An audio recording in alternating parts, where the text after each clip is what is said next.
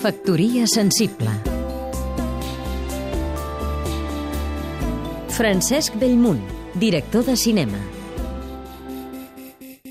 Ara fa 35 anys que Marina Rossell va convertir en un èxit popular la de seva dolça vanera dedicada a la Laurus Michaelis, que és el nom tècnic de la gavina.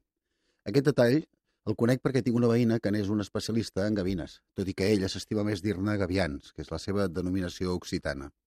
L'altre dia, en una reunió de veïns, em demostrà que estimava de debò els gavians, perquè, tota sola, plantar cara a uns propietaris que volien que la comunitat invertís uns diners a la instal·lació d'un espantagavines prop de la piscina comunitària.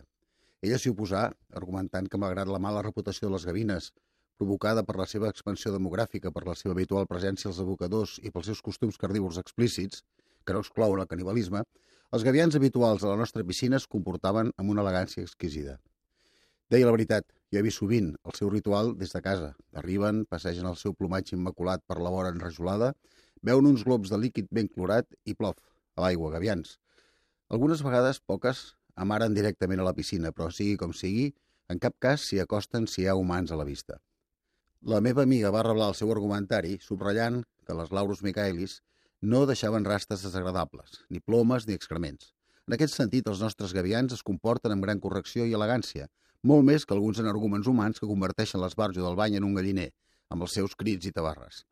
La idea d'instal·lar un espantagavines no va prosperar com tampoc prosperaria la idea de modificar la lletra del clàssic de Marina Rossell per fer-ne l'himne de la comunitat de propietaris. No els imagino d'en peus, la mà dreta al cor cantant «Oh, gavina nedadora, la piscina no és el mar». Factoria sensible